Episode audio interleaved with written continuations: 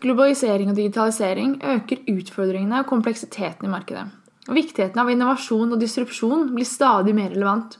Endringstakten i bedrifter må økes. Men hvordan kan du lage de gode kundeopplevelsene, skape innovasjon og engasjerte ansatte, samtidig som man endrer seg? Hele 75% av nordmenn føler jo lite eller inget engasjement i jobben sin. I en undersøkelse fra Deloitte i 2017 så sier hele 94% at smidighet og samarbeid er kritiske faktorer for at deres organisasjon skal få suksess. Men kun 6% mener selv at de er smidige. Hva innebærer det egentlig å være en smidig organisasjon? Kan alle organisasjoner bli smidige? Dette og mer ønsker vi å diskutere gjennom Smidigpodden. Vi håper på å finne noen av svarene. Jeg heter Ida. Og jeg heter Tobias. Velkommen til Smidigpodden. Hei! Velkommen til episode syv av Smidigpodden. Nå er det litt lenge siden forrige episode, men vi kommer sterkt tilbake. Jeg håper det. Vi holder jo som sagt på med flytting. Vi er ikke helt i mål ennå, men nå er i hvert fall leiligheten solgt og kontrakten er signert. Så er det bare flytting igjen. Bare, bare. Ja, Så derfor har det vært litt lenge siden forrige episode. Ja, vi er jo nesten dessverre på to måneder siden sist. Tiden flyr. Eh, I dag er det 19. mai. Hadde 17. mai her på fredag, så Ja. stor dag i Norge, det. Eh, Hva har, skjedd? Hva har du gjort siden sist? hva har jeg gjort siden sist? Det har jo gått to måneder, så det har skjedd ganske mye. Um, I sånn smidig, smidig sammenheng så um, er det kanskje primært to store ting. Det ene var Oslo Business Forum, der jeg var med i en uh, round table discussion. Det var ikke noe table, så det var liksom bare en round discussion. Om, uh, om smidig. Så det var veldig gøy å være så var han invitert dit. Og um, veldig bra um, konferanse. var om uh, digital leadership, så det er jo veldig relevant. Så det var mye bra. Jeg fikk posta litt stories derifra på, på Instagram, så det skal være tilgjengelig hvis det er noen som uh, ønsker å se på dem. Mye læring av mange store, kjente profiler. Og så her denne uken så var jeg på Kompetansedagene i regi av HR Norge som var en relativt um, stor konferanse. Det hadde en 45 minutters presentasjon. Så alltid gøy å være invitert, og jeg hadde faktisk mulighet til å være med på hele konferansen. Så der var det mye nyttig og mye interessant der òg, så det er eh, gøy. Yes, og Vi har også vært på livesending på Stormkast. Eller livepod, kaller man det. Jeg tror det. Liveinnspilling av pod på Stormkast på The Hub. Stormkast er poden podden til Petter Stordalen og Jeg husker ikke hva han Nei. heter. Men Petter er Stordalen er jo Tidligere redaktør i E24, tror jeg. Ja. Ja, de snakket i hvert fall om eh, De hadde forskjell- masse forskjellige gjester. Eh, Blant annet snakket de litt om eh, risiko, men de snakket også veldig mye om kultur. Kultur og ledelse. Som vi syntes var veldig interessant. Og det går jo egentlig litt inn i denne poden her også. Vi fant det litt inspirerende. Og da handlet det litt, snakket de litt om at Jeg husker ikke hvem av de som sa det, hvilken sammenheng. Men det ble i hvert fall uttalt at det er liksom 20 så mange som 24% som ønsker å bytte jobb. De gjør det fordi de søker en ny kultur. Eller en annerledes kultur. bedre kultur. En bedre, ja. Og at lønn i utgangspunktet er ganske langt ned på listen. Og det har, jeg tror vi har snakket litt om det tidligere i podkaster, dette med intern versus ekstern motivasjon. da. Eh, og så ble det også uttalt at eh, hva var det de sa? 95% kan blomstre under de rette lederne. Og du må lytte til de rundt deg og få dem til å spille sammen.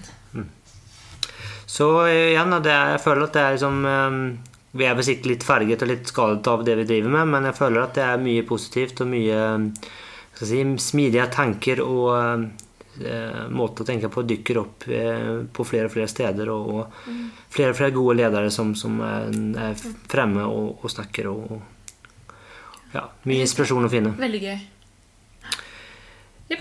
litt sånn eh, planene for podden fremover. Nå har vi vært på en sånn eh, Det har gått litt, eh, litt eh, Skal ikke si trått, men det er litt så langt mellom episodene og litt eh, I hvert fall nå på, på slutten her med, med salg av leilighet, så har det gått litt trått. Og vi, men vi er vel eh, eh, Vi fortsatt eh, hva si, Vi ønsker å fortsette med podden, så jeg ikke, ikke tror at den er på vei bort. Og vi ønsker vel snarere å kanskje steppe opp gamet. Men for å få realistiske forventninger her Nå går vi inn i en epi- en, en, eh, En episode. episode vi går inn i en eh, hva er det for noe? En eh, periode, Periode. hvor vi skal flytte. Så jeg tror ikke man skal ha sånn veldig store ambisjoner om at vi skal release masse pod frem til vi har flyttet. Nei, det tror jeg ikke. Men sånn mot Når ting har landa litt i ny leilighet og vi kommer inn mot høsten, så tenker jeg at vi skal prøve å kanskje få opp frekvensen noe. Og også prøve å få inn litt gjester i podden. Det hadde vært kjempegøy. Ja. Så har du noe, eller har du lyst til å kanskje være gjest i podden, har du noe du har lyst til å bidra med, så ta gjerne kontakt. Eller om du ønsker at noen som du kjenner eller ønsker å høre mer om eh, som gjest i podden, så, eh, så send oss gjerne en, eh, en melding på en eller annen måte, så, så skal vi se hva vi klarer å få til. Og så er vi vi må jo si, vi hadde en diskusjon her litt tidligere i dag. For vi er veldig åpne for eh, temaer. For hva er smidig? Hva er ikke smidig? ja, vi vet jo kanskje hva ikke smidig er, men smidig er veldig mye. Så det er veldig mange ulike temaer vi kan touche på. Ja, og litt forskjellige vinkler og forskjellige gjester. Så vi er egentlig åpne for veldig mange. Ja, og der er det noen lyttere som har hørt av seg, blant Josten, som hadde mange ønskemål. Han ønsket at vi skulle snakke mer om hypotesedrevet utvikling, lean startup, DevOps, OKRs, agile in leadership, business model canvas, storskala smidig, kundeorientering, teamteori, agile coaching og ulike typer av team. Ulike typer team. Snakket vi ikke litt om det på forrige episode? Uh, jo, det gjorde vi faktisk. Ja. Så den har vi faktisk dekket. Ja. Uh, og um, agile coaching kommer vi kanskje litt inn i, i dagens episode òg, så vi, vi toucher jo innom flere, men, men der er mange spennende temaer. Og så er det Anders som ønsker litt mer nitty-gritty details. Eh, ønsker mer på det tekniske om eh, leveranser, releaser og, release planning og release management. Og, så her er vi nede i sånn mer software-tekniske ting. Eh, og det kanskje, liksom, kanskje vekker noen um, skal si, interesser eller tanker om hva, hva dere kanskje tenker at det vore gøy at vi snakket mer om. Så man kan jo si sånn, Er det noen her som kan veldig mye om det, så ta kontakt. da. Ja, for da har vi i alle fall fått tips Ja. på gode. Så er du, liksom, er du rå på OKRs eller DevOps eller noe annet, så ta kontakt, så eh, har vi det gjerne på laget. Ja. Eller inne i, i Det vært episoden. veldig gøy. Ja, det var veldig gøy. Ja. Yes, Skal vi komme oss inn på hva vi faktisk skal snakke om i dag, eller? Ja, det er spennende. Vi postet jo på Instagram nå for en stund tilbake. Litt sånn prematurt, men uh, det var en liten teaser. en liten teaser. Et lite troll. Ja? Tohodet troll. To Vi skal troll, ja. snakke om dual leadership, eller todelt ledelse på godt norsk. Ja. Eh, og det er jo noe som er litt i vinden eh, med smidig, eh, og, blitt eh, kanskje snakket om der, men, men det er jo egentlig ikke et nytt fenomen. Og det er kanskje ikke så mange som kjenner til, så det er litt spennende. Ja, og Det er det som jeg syns er veldig gøy med det. For når jeg snakker om todelt ledelse på jobben, så er det sånn Hva er det her, liksom? Er du helt crazy å finne på noe nytt? Men det er jo ikke noe nytt i det hele tatt. Todelt eh, ledelse Noen av de tidligste eksemplene vi ser på todelt ledelse, er fra, fra Sparta. Fra kongeriket Sparta, for de som kjenner til det. Og også romertiden. Romerne. Vi skal komme litt nærmere inn på akkurat det her etterpå. Eh, Men det mange ikke vet også, er at Sovjetunionen hadde også faktisk eh, Eller de hadde ikke todelt ledelse, de hadde noe som heter et triumvariat. Eller troika, kalte de det. Oi. Og da var det når Lenin ble, han ble sykemeldt eller noe sånt nå, Jeg husker ikke helt detaljene rundt det her, men han ble sykemeldt sånn i 1920-ish. Eh, Og da var det faktisk tre ledere som liksom ledet Sovjetunionen i en liten periode. Og det har vært også etter det, da. Frankrike hadde det på 1500-tallet og 1700-tallet.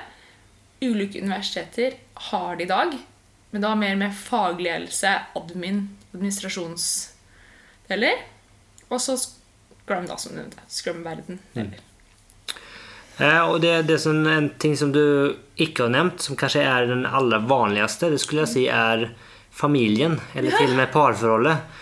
Eh, jeg vil komme med påstanden at eh, har du et sunt forhold, så bør du ha dual leadership. Ja, har, du, har du diktatur i forholdet ditt, så er kanskje det et tegn på at ting ikke helt er, er bra. Ja. Men hvis du lever i et sånn Hvis du har mange koner, da? Har du triumvariat? Nei, da tror jeg det. Jeg tror det, jeg tror det, tre, eller nei, jeg tror det er diktatur. diktatur? Jeg tror det er diktatur. Eh, Så det er jo det er kanskje den aller, aller vanligste. Og klart har man da en, en litt større familie, så, så er det kanskje enda tydeligere at det er faktisk er et todelt, eh, en todelt ledelse. Så den er jo sånn sett um, veldig vanlig. Ja. Og den, klart den vanligste teamstørrelsen er jo også to. Så det er klart at da har du et, en, et lederteam er jo en, en vanlig, vanlig struktur der. Det som, som, som jeg syns er litt som interessant, er jo at kanskje en Om du har flere ledelser, så ledere, så ligger jo ikke makten sentralisert ett sted, utan du har den litt mer eh, delt. Og det jo, blir jo et sånt med et check and balance-system, så det er ikke en som kan ta alle beslutninger. Og, det kan jo være en, en, en trygghet i det, og det er kanskje litt mer på en måte, kanskje ikke demokratisk, men det er åtminstone en måte distribuert ledelse, på en måte, delt ledelse.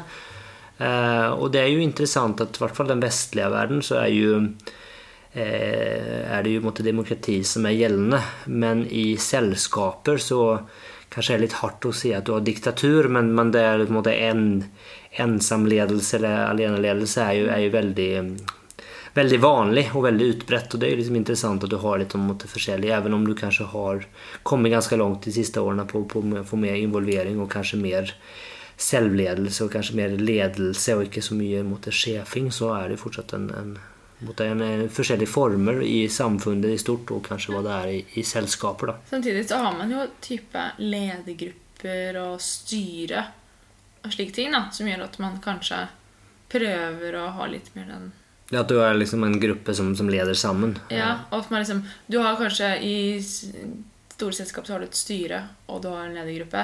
Styret skal på en måte i gåsehudene passe på Ja, ledergruppen.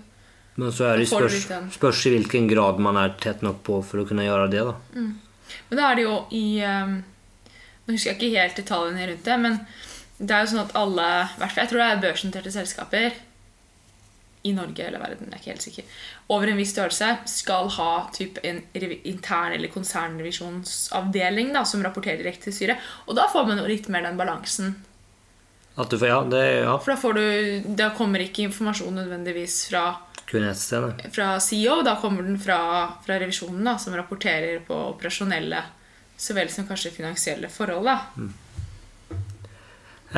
et annet sted der det er veldig utbredt, er jo i marinen. Eh, altså Hva kaller man det? Militær Shipping. Eh, på båter så har du det som er man, Det har en XO og en CO. Så du har jo en eh, commanding officer og en execution officer.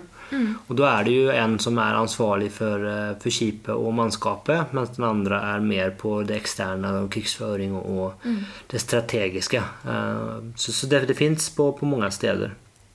Men skal vi kanskje hoppe tilbake til historien, kanskje? Kan jeg fortelle en morsom historie fra marinen, fra ubåt? Ja. Jeg vet ikke om det er så morsomt, da, men det er interessant. Det var um, på ubåter man, Alle ledere har ulike lederstiler. ikke sant? Så var det en veldig, Nå husker ikke jeg hvilk, hva han her um, ubåt Jeg kan ikke fagspråket, men ubåtlederen het. Men han, han ledet gjennom intensjon. Så han ville ikke gi ordre til sine underordnede. Han sa sånn uh, Han ønsket at underordnede skulle komme til han med intensjonen om hva de ønsket å gjøre. Uh, for at han ønsket ikke å fortelle dem det. Så de hadde tenkt gjennom hva de skulle si. Det er boken 'Turn the Ship Around'. Er det med, heter han David, tror jeg? eller noe? Ja, fordi det er ganske spennende, for når han ble puttet på en annen båt, så klarte han ikke å gi Han klarte ikke å, å lede båten. Fordi at han hadde ikke lært å gi kommandoer. Nei. Så da sa han type eh, Sett båten i tredje gir. Og så sa nestemann sett båten i tredje gir, sett båten i tredje gir, sett båten i tredje gir. Men båten hadde bare, men båten båten hadde bare to gir. Ja. Så da måtte han der stakkaren på båten si ja, men båten har bare to gir. Nei, jeg vet ikke om han sa noe. Han bare satt med andre gir, og så Ja, jeg synes bare det var litt interessant ja. Veldig digresjon, men uh, Turn the Ship Around heter den boken. da. Ja. Ok. Sparta, sa du? Ja, eh, For de som ikke vet det, så er jeg litt sånn historienerd. Så nå får jeg lov til å fortelle litt historie. um, som jeg nevnte i stad, så er det noen av de tidligste eksemplene man ser på todelt ledelse. Det er fra Sparta og Roma. Og det som er litt interessant, er at Sparta og Roma hadde ganske De hadde litt ulike modeller på hvordan de utøvde det. I Sparta så hadde de to konger. Eh, og sånn det fungerte der, var at eh, de kongene de eh, hadde like mye makt. Um, men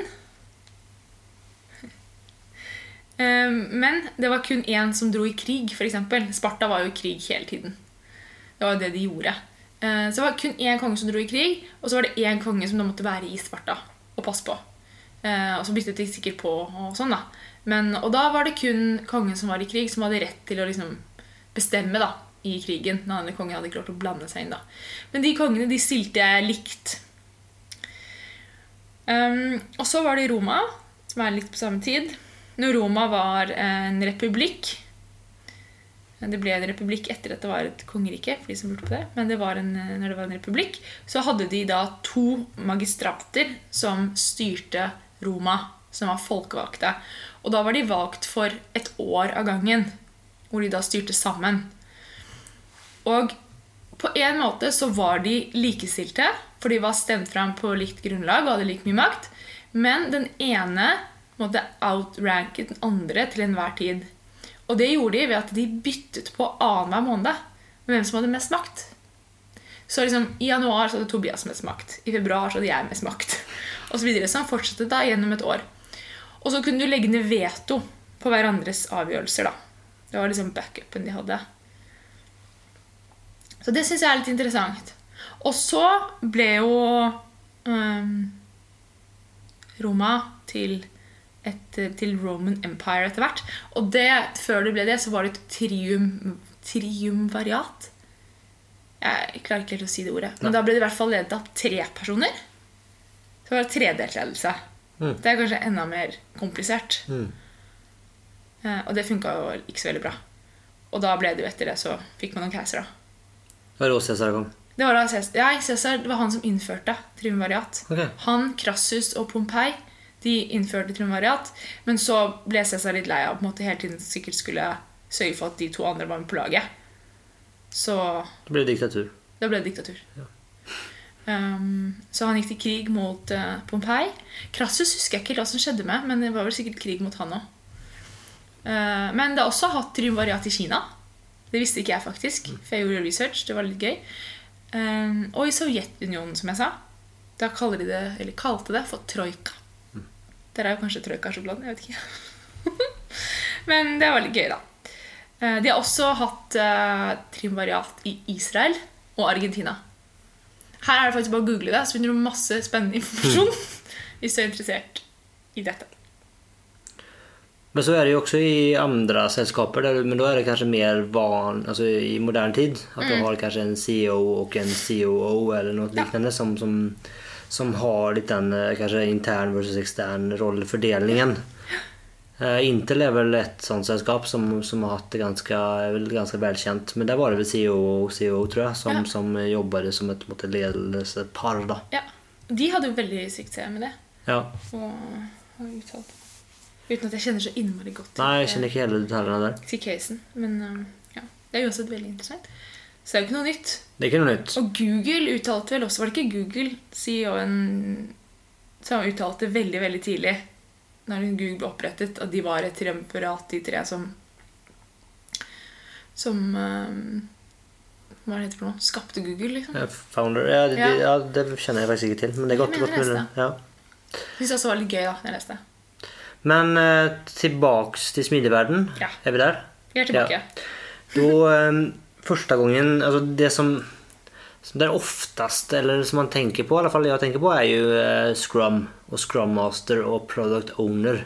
Eller produkteier.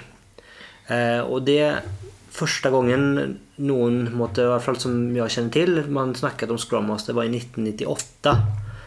og da då kom det ut et paper som hette Scrum. Eh, der där var det mye av de kjente gutta som var, var med og skrev det. Ken Shaber og Jeff Söderland med flere.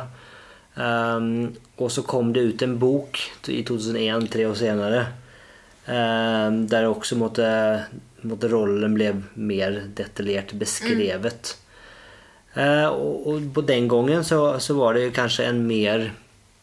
Det kanskje kommer litt av at man eh, levde litt i en annen tid men der är ju Scrum Master kanske mer beskrevet som en, en eh, teamledare eh, som måtte ska liksom eh, for för fremdrift og, og ja, du er liksom med, du er ikke så veldig mye på, på eh, selvledelse og selvstyre på teamet på den tiden, utan du er kanskje mer på en, på en klassisk ledelse. Eh, og man, men at man hadde den delingen av, av ansvarsområdet mellom den produkt, product owneren og scrum masteren.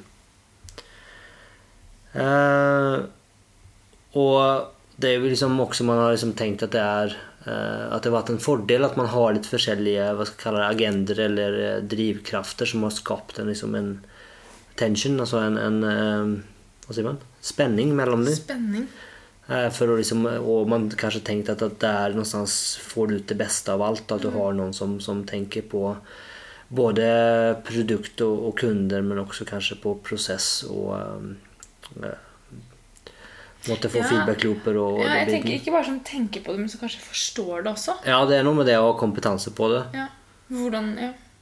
Uh, og, og, der er jeg kanskje inne på en annen ting. Man tenker, jeg tenker at i Det er lett å tenke at i, er en smidig verden at du har uh, At du ønsker å ha så mye selvledelse og autonomi som mulig i teamet. At du ikke trenger ledere. Eh, men jeg mener at man, man, definitivt trenger ledere, men man trenger kanskje eller man trenger, det man trenger, er ledere og ikke sjefer. Ja. Og at du, det krever litt andre ting, og det fins mange oppgaver som, som, er ledelsesoppgaver som er veldig viktige. Uh, og det er kanskje mer riktig at teamet har fokus på, på andre ting. Uh, og, og, at man måtte legge som leder til rette for at teamet har alt det de trenger for å gjøre så, gode, så god jobb som mulig. Ja. Men nå, nå, snakker vi egentlig om generell ledelse. Hva vi mener er riktig. Men hvis vi kobler det litt til todelt ledelse, da ja. For vi ønsker jo at begge ledere skal utøve ledelse, og ikke sjefing. Helt enig. Og det kommer kanskje, Vi kan, kan, prøve å snakke om det kanskje litt på generell måte, og så komme litt inn på smidig agile coach, scrum master litt på slutten, kanskje. Eh, og det er jo jeg tenker jo at det, det viktigste med to Hvorfor man vil ha to ledere, er at man mener at du har nok lederoppgaver, eller at ledelseoppgaver er såpass viktig sånn at du ønsker å prioritere det. For det er uten tvil at det er jo en merkostnad, en mulig overhead, å, å, å ha flere ledere. Så man må jo mene at man, man, får noe ut av det, eller at det er behov for det. da.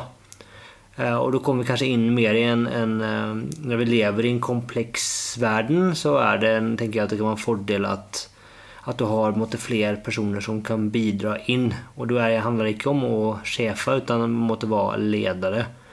Og da er jo den ene dimensjonen er kanskje den litt mer eh, myke HR-prosessmessige. Eh, at du er, kan coache, at du kan være kanskje mentor, at du kan være en eh, en, en, person å snakke med, sånn at du kan faktisk eh, prestere så bra som mulig på jobben og få ut frustrasjoner og, og andre ting. Men at du også kanskje har en leder som aktivt kan jobbe med å fjerne hindringer og, og gjøre ting, bedre og rett og slett er, er, der for teamet. Så er den andre dimensjonen som jeg tenker er eh, like viktig, er jo det som har mer med strategi og kundemarked å gjøre, analyse. At det er ganske det handler i dag kanskje mer om å gjøre de riktige tingene. Altså det er liksom ikke et spørsmål om du kan gjøre noe lenger, utan det er om du skal gjøre det, eller hva som er riktig å gjøre det. Eh, og der eh, tenker jeg at det er viktig å ha fokus, at du må ha en som kan jobbe med kundeinnsikt, med analyse, med strategiarbeid, eh, og rett og slett sørge for at teamet faktisk gjør de riktige tingene, og ikke bare gjør ting riktig. Mm. Og så er det jo det å finne en person som er god på begge disse tingene. Det er et godt, godt i, god punkt, for det er jo ganske Jeg mener at det er ganske mye man krever av en leder i dag. Det er ikke måte på mm. hva du skal være god på. Uh, og der kan det være klart Deler du på oppgavene, uh, så er det kanskje mer sannsynlig at du finner en som er, er veldig god på, på, deler av rollen, lederrollen, enn en hele lederrollen. Og et annet faktor er jo hva du har tid til. Ja, og hva du måtte prioritere. Hva du prioriterer. For det er jo uten tvil sånn at det er ganske lett å måtte bli fanget av hverdagen og de operative mm. tingene. Uh, så du får gjort de tingene som haster, men kanskje ikke så mye av det som faktisk er viktig. Mm. Og som krever litt jeg si, fokus og tid. Mm. At du, dagen din bare løper ifra deg for at du mm.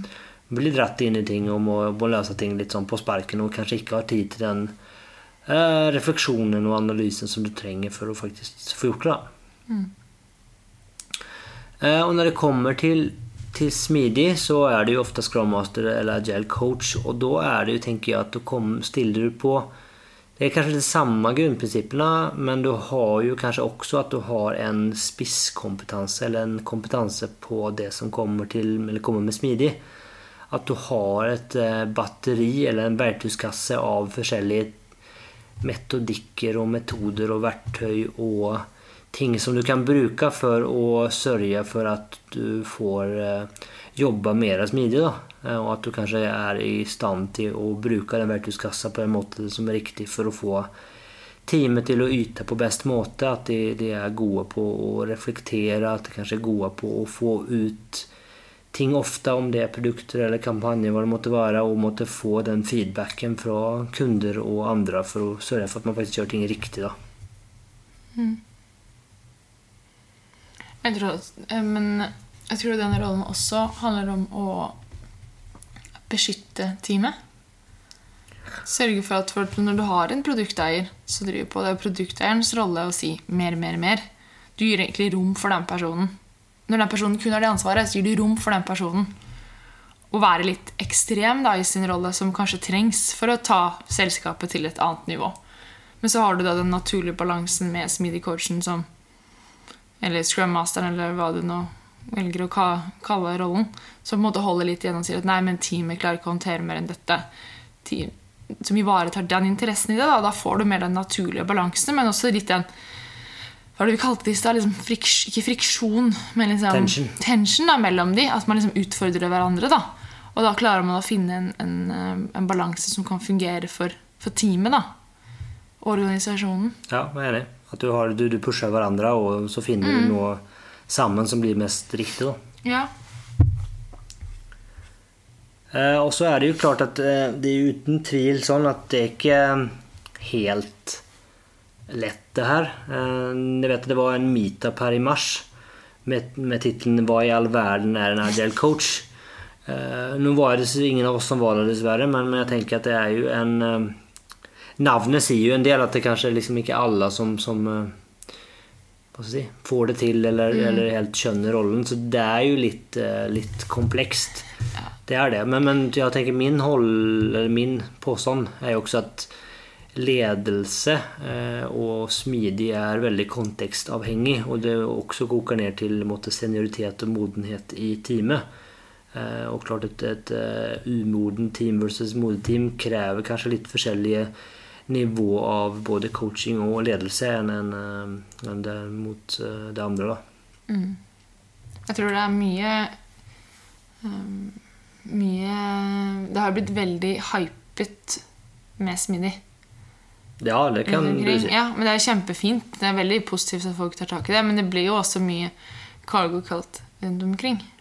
Ja, eh, og det er vel klart at det er jo Det er jo en start, det òg. Ja, og, og det jo, vi har jo snakka litt om, om Carl Cult, og vi snakka litt om å være smidig versus å gjøre smidig. Og jeg tenker jo at uh, mot en smidig coach eller dual leadership kan fort bli å gjøre smidig mer enn å være smidig. Även om tanken kanskje er opprinnelig at du skal sørge for at du er smidig, så kan det fort være at du liksom bare har en sjekkliste på ting du skal ha. Og du hiver inn den smidige coachen på samme sjekklista som, eh, som det girabålet ditt. At de tingene du skal ha for å være smidig, og da kanskje du liksom ikke får så veldig mye effekt ut av det. Det som ikke måtte være dekket av, i alle fall så vidt jeg vet, måtte av, av Scrum i hvert fall, så er det jo, snakker man jo veldig lite om det, og det er jo hvor personalansvaret ligger. Og det tror jeg at det har veldig mye å gjøre at man i den, når måtte Scrum, og kanskje for så vidt mye enn i dag, eh, så låg personalansvaret mot et sted i linja som man ikke kanskje forholder seg så mye, og så jobber man i noen form av ja, eller noen liksom. prosjekt, Ja. noen matriseorganisasjon, og da var jo måte de Så i strengt tatt så har du kanskje hatt et tredelt ledelse Att du hadde en Scrum Master og en effekteier og så hadde du en personalleder någonstans i linje i tillegg. Då. Eh, Og det er jo mange som har den mm. modellen, det kommer vi litt inn på, eh, har den modellen och At man liksom egentlig har at man har en prosjekt, prosjektorganisasjon eller produktorganisasjon som er noen form av eh, matris eh, i tillegg til den linjeorganisasjonen som man har der personalansvaret ligger. Mm. For det er jo eh, litt sånn omdiskutert. eh, Og jeg tror man i, ofte i sånn smidig-verden mener at verken eh, Scrum Masteren eller hva skal jeg si, slash agila coachen eller fekteien skal ha personalansvaret. Men da må jo personalansvaret ligge et tredje sted. da. Og da har du plutselig veldig mange ledere. Så det er jo kanskje ikke så, så, så hensiktsmessig, det heller. Nei, så er det riktig at eh, Er det riktig at en person som ikke er involvert i teamets daglige arbeid, person, den ansattes daglige arbeid, skal ha personalansvar? Ja, og hva, Altså, ja, jeg vet ikke hva som er riktig, men Og det som vi har diskutert litt, hva er personalansvar? ja. Er liksom noe Hva skal vi kalle det? Førhistorisk, tror jeg på å si. Men er det noe gammelt som, som ligger igjen? Og er det kanskje en litt En veldig sånn eh, gammel måte å se det på? Og, hva, og du kan jo måtte bryte ned de oppgavene som en personalleder gjør, og velge å håndtere det på andre måter. da. Jeg tror man trenger et nytt Man trenger liksom å reinvent hele begrepet på mange måter. Så, hvis du tenker litt på Sånn som Google, da. De algoritmer som beregner lønnen til ansatte. Og så, Jeg vet ikke akkurat hvordan det er, men jeg tror du får liksom Ja, du kan få en lønn mellom 600 og 650 000 eller noe sånt noe. Men da er jo egentlig lønn er jo nesten tatt ut av personalansvar. Ja, det er litt Eh, poeng. ja, mener. Oppgaveboksen, liksom. Og det mener mye av de oppgavene som ligger der, kan du kanskje løse på andre måter. Og hva er det da som ligger igjen?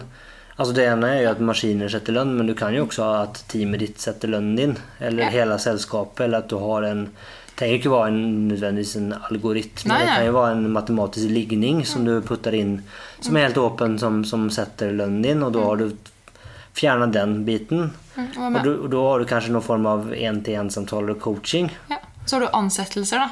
Det er Ja. mange selskaper som kjører mer sånn kollektiv. Ja, til ti- Prosess, da. ti- teamet ansetter seg, Ja. seg selv, eller ansetter nye medlemmer til teamet. Eh, og da er kanskje liksom er kanskje den personalledelsesbiten nødvendig. Eh, og, og det er jo interessant, jeg har fått noe sånn Hva kaller man det? Altså e-postreklame. Eh, eh, for noen sånn kurs, da. Og da var det sånn Du trenger ikke være sjef for å være leder. Det blir stadig vanligere med roller hvor ledelse er delt, eller noen leder uten personalansvar. Mm. og eh, jeg så også i eh, vi, sånn, hva heter det? avis, heter det ikke, men eh, blad. Lederne lederne som sier at stadig flere ledere uten personalansvar. Så jeg tror at liksom vi er i en, som du sier, en litt sånn omstilling der. At det blir vanligere og vanligere at du har noen form av lederroller uten personalansvar, og kanskje personalansvaret er litt sånn sekundært. Ja, men det, dette er jo veldig interessant, fordi det er jo diskutert med flere um, på, på jobben, og jeg er veldig opptatt av at ledelse trenger ikke nødvendigvis utøves av ledere heller. Og det er liksom også noe man glemmer veldig mye. I konsulentverden så er det veldig utbredt. Da er man veldig bevisst rundt det at du må ikke ha personalansvar for å være en leder. Du kan ha, ha lederansvar og være eksempel, ja, i, pro- i studentverden så har du typisk prosjektledere. Da Da har du fremdeles et lederansvar og et utviklingsansvar overfor de ressursene som er på teamet ditt. Eh, og et ansvar for at de skal ha det bra i sin arbeidshverdag og sørge for å coache de. Men du har jo ikke et, de, de har ikke et, et personalansvar overfor de. Nei. eh, og det tror jeg liksom er en, en dimensjon. Og jeg var jo på um, og snakka på den eh, kompetansedagen her tidligere i uken, og da var jo Netlight der og holdt en presentasjon, og de snakka litt om at eh, hvordan kan du være ledere uten å ha noen følgere? Og det er kanskje liksom essensen der. de, Hvordan kan du kalle deg selv for leder om det ikke er noen som måtte ønsker å følge deg? Ja. Eh, og da er jo jeg, jeg, mener kanskje det er Det her er jo sterkt påstånd, men jeg mener at det er bare dårlige ledere som trenger å ha personalansvar. For, er, for de har ikke noe... Det er ingen som ønsker å følge dem. De, blir ikke, de klarer ikke å skape ins, eh, inspirasjon eller følgerskap. Så de, de trenger å ha den fire and hiring-maktdimensjonen for å utføre sitt lederskap. Mm. Og det er jo også et interessant der at du som at du må skille på en måte det med igjen da, med, med å være sjef og det å være leder. Og er du en god leder, så trenger du ikke personalansvar for å utføre den ledelsen. Ja. Dette går jo litt på hvordan man, eh, hvordan man leder. da. Leder man gjennom eh, inspirasjon, eller leder man gjennom eh, kommandoer osv.? Det kan jo egentlig bli en egen pod-episode. Jeg var jo på et Kanban-kurs med David Anderson i februar. og Da snakket vi jo veldig mye om det her. Mm. Så det kan vi jo egentlig ha en egen episode om. Det kan vi absolutt gjøre, men jeg tenker at vi må kanskje komme inn på litt mer konkrete varianter. Eller hva skal si, hvordan folk har gjort det her i praksis. Noen modeller? Modeller er vel Eksempler? Eksempler er kanskje bedre som er riktig. Eh, vi kan jo begynne med et som jeg kan ganske bra. er jo hvordan vi har det i Riks-TV. Eh, og det tror jeg er vel kanskje litt som eh, Vi er litt der som på Spotify òg, at vi eh, Det ser veldig fint ut på eh, i teorien, og så er det litt varianter internt. Og der er det jo at vi har de store, større teamene eller større områdene i Riks-TV har et eh, todelt lederskap.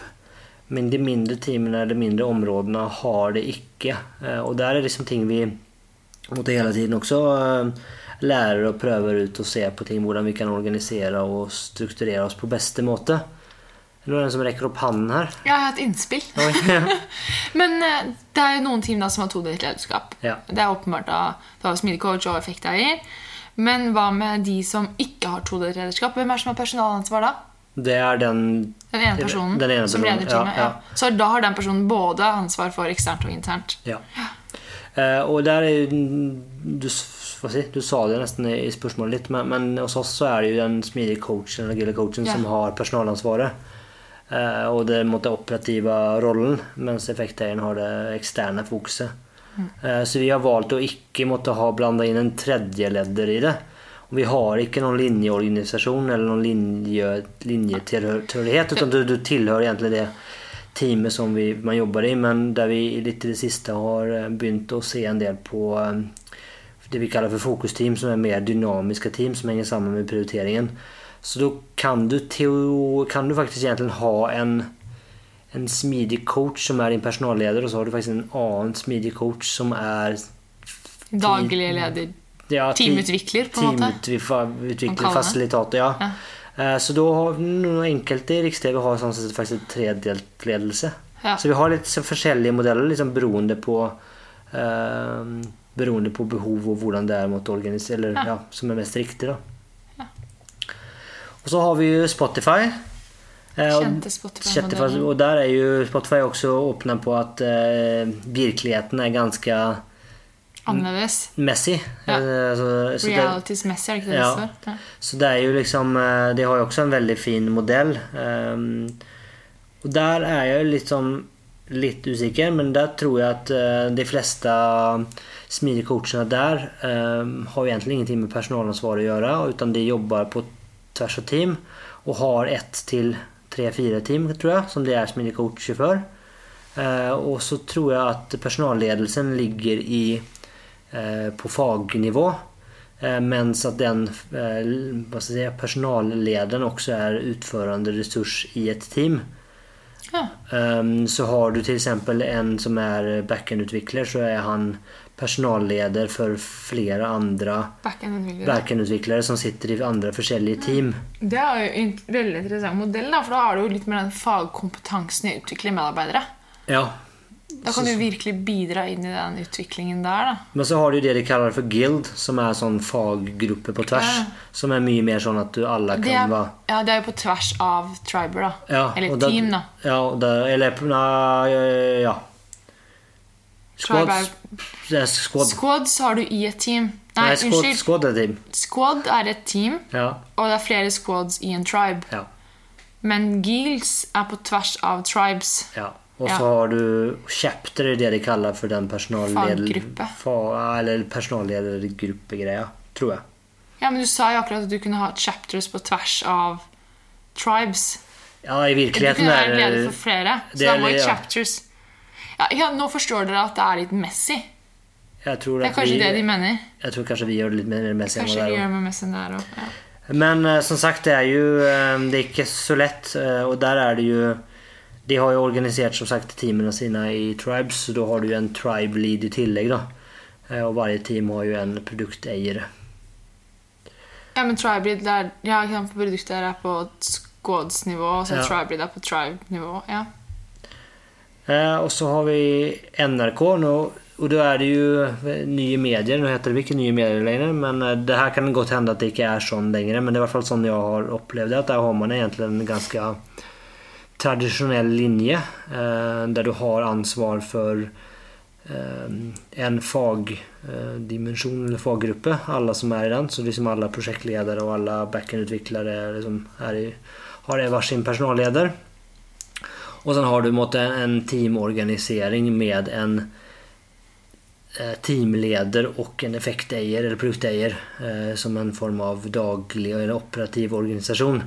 Så det har måte også, Men da har du en teamleder uten personalansvar, for den ligger liksom i linje. Så de har en, en litt annen variant. Kanskje litt på en måte litt mer klassisk. Ja. Eh, også et annet eksempel er Avanza Bank, som er en svensk eh, konkurrent til Nordnett. Eh, som er sånn bank der du kjøper aksjer og mm. forskjellige spareprodukter. Investeringsbank. Investeringsbank er kanskje riktig å si. Eh, der har de noe det de kaller for et trekløver, tror jeg. Trekløver. Eh, at du har en Troika. Kanskje det er en troika, på en måte. At du har en person som har jeg tror har personalledelse for alle medlemmer i flere team. Jeg har skjønt det riktig. Og så er han sammen med den smidige coachen og produkteieren en sånn lederteam på tre. Ja.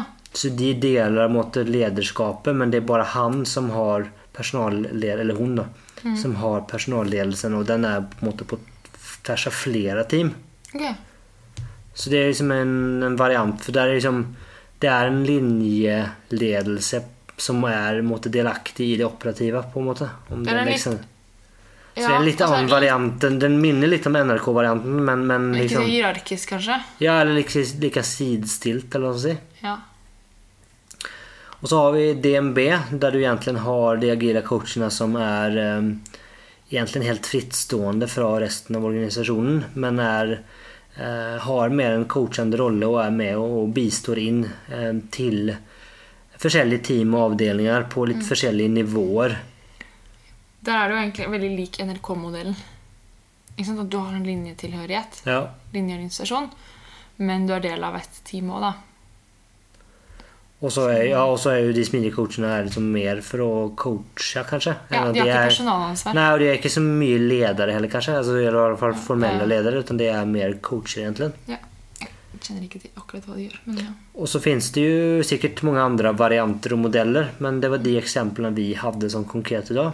Dere må gjerne sende inn hvis dere har noen andre spennende modeller, for det er veldig gøy å Ja, om det, og det, det har vi kanskje for så vidt snakket en del om før, men jeg er jo av den holdningen eller påstanden at det finnes ikke en silver bullet, og det finnes ikke, og det er forskjellige modeller eh, riktig for forskjellige selskaper.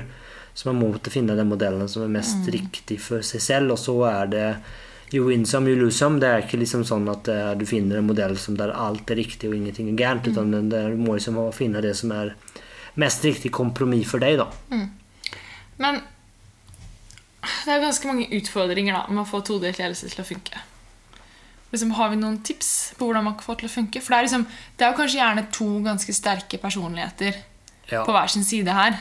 Absolutt. Uh, litt min refleksjon så tror jeg at man må ha en anerkjennelse av at man er et lederteam.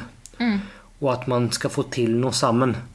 Og blir man for opphengt i min oppgave, din oppgave, min rolle, din rolle, så tror jeg man sliter. For det, er, det blir en teoretisk øvelse som er vanvittig vanskelig å få til i praksis.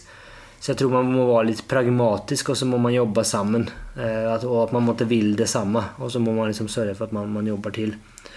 Og så tror jeg at det er jo Man kan se på altså, Er det et um, tvangsekteskap? Eller er det måte love with first sight? Um, og det jeg mener med det litt, er liksom, Har disse to lederne på noe vis valgt hverandre? Eller har de blitt satt til å lede noe sammen? For jeg tror at personlig kjemi og liksom, at man komplementerer hverandre, er veldig viktig. Og det ser vi litt i Riks-TV at der det fungerer veldig bra, så har det ofte vært at den ene har vært med og, rekruttert den andre. Eh, så de har liksom på en vis valgt hverandre i en rekrutteringsprosess. Eh, og det fungerer kanskje bedre enn de som har måttet blitt eh, bare satt sammen. For du skal jo jobbe veldig tett sammen og dele på noe her. Men da går det jo mer, mer på det at du faktisk har hatt et valg, mer enn det at man har noen form for kanskje kjemi osv. Altså, du skal ikke undervurdere kjemi, men man skal heller ikke undervurdere kraften av det å faktisk føle at du har et valg, da, og fått være med på en beslutning. Ja, ja det, det, jeg tror det er begge deler, absolutt. At det, liksom, det, det skal jo fungere. Eh, men det er klart forankring, eh, eller eierskap, er jo, er jo viktig oppi det òg. Det jeg tror er veldig viktig at man skal huske på, er at eh, det er mer enn to, det mer enn to personer som er påvirket av et todelt leder, lederskap. Og med det så mener jeg at man har et team under seg også, som kjenner på alle de friksjonene eventuelt, da, eller enigheten, eller hva det skal være, mellom, mellom de to lederne. Og det er viktig å ta inn over seg og huske på som leder også. At det er kanskje noen ting man skal ta på bakrommet, kanskje. Ja, og, eller, og jeg, jeg, tror jo um, at det, så å si, analogien til familien her er ganske riktig.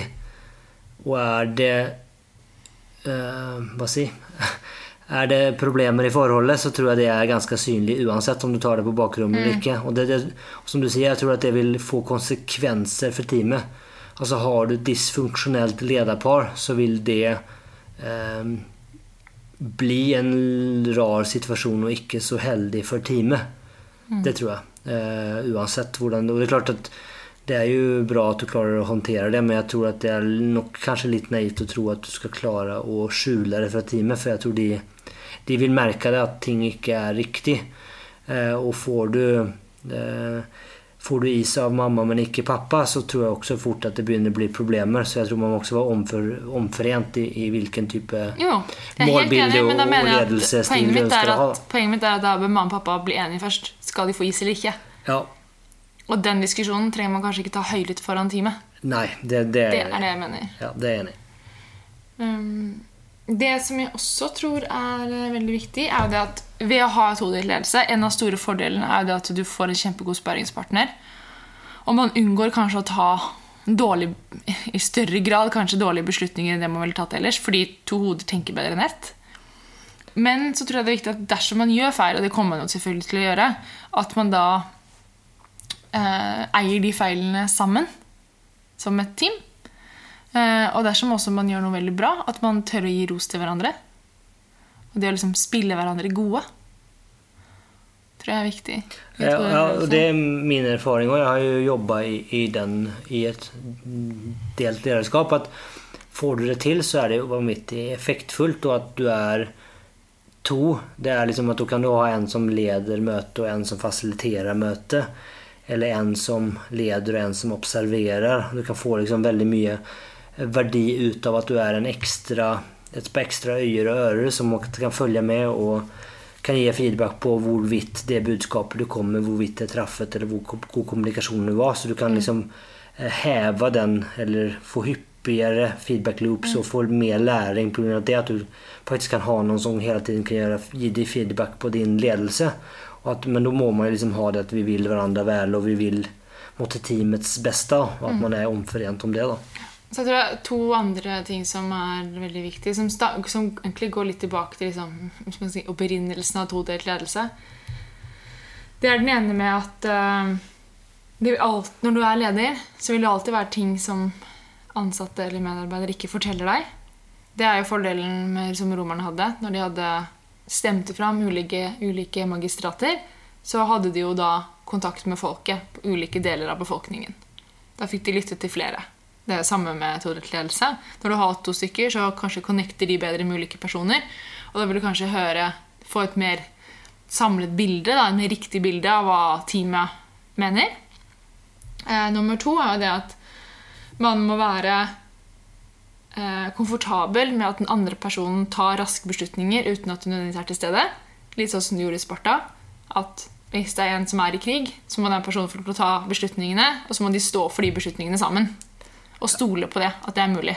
Ja, for det, om du skal måtte forankre og ta allting i fellesskap, så har du laga deg veldig mye byråkrati og veldig lange prosesser. Og det, da har du liksom Da tror jeg du mister mer enn du får, på en måte. Ja. Så det er liksom ja, tillit, og at du liksom er at du er omforent i hva, vi måtte, hva har vi for prinsipper og, og verdier, og hvordan tar vi beslutninger. Og, og at vi styrer ting relativt likt. da. For jeg tror at har du to ledere som, som har helt forskjellig syn på det, så tror jeg det stakkars teamet blir jo helt eh, Koko. ko-ko om du har Ja. to ledere som trekker i forskjellige retninger. Ja. Mm. Good. Er det noe annet du vil få sagt sånn her avslutningsvis, eller føler vi at vi har kommet gjennom det vi ønsket å snakke om? Jeg tror vi har kommet oss gjennom det meste. Ja. Men jeg kan jo si det at um, denne episoden har jo basert på mye på erfaring. Men vi har også gjort en god del research. Blant annet så har Harvard Business Review mange gode artikler på todelt ledelse. Da er det bare å google det, egentlig. Dual leadership. Så kommer det på veldig mye interessant. Ja. Eh, Vi har vel ikke landa på hva vi skal snakke om i neste episode. Så er det noen som har noen ønskemål, så er det ikke for sent til å sende det inn. Nei. Og som vanlig så er det vel Instagram som er vår primære kanal. Det er det. Er Smidigpodden. Eh, Så eh, bruk gjerne den. Følg oss der. Eller en melding på Messenger eller Ja, det, gmail. Smidigpodden.gmail.com hvis du heller er komfortabel med det. ja. Så det finnes mange måter. eh, Eller om du måtte springe, springe, på oss et eller annet sted, så er det greit å ta det der òg, for så vidt. Um, ja, følg oss gjerne der du har podkastene dine, og gi oss gjerne en karakter. Og inn og så at vi faktisk um, har fått noen karakterer i det siste, så det er utrolig gøy. Så det, fortsett gjerne med det. Skriv gjerne en kommentar eller send inn. Eh, Kom med ønskemål, spørsmål. Eh, Som vi sa innledningsvis, så vil vi gjerne ha forslag eller ønsker på mm. gjester. Om det er du, eller om det er noen annen. Eh, Send det inn. Mm. Så skal vi prøve vi, vårt beste for å skvise inn en episode her i flytting, eh, flyttingen vår òg. Ja. Så om ikke annet så, så vil det love at vi skal komme tilbake sterkere når det er på plass med flyttingen. Ja. Ok? Yes. Skal vi si takk for oss? Ja. Ha det bra! Ha det bra.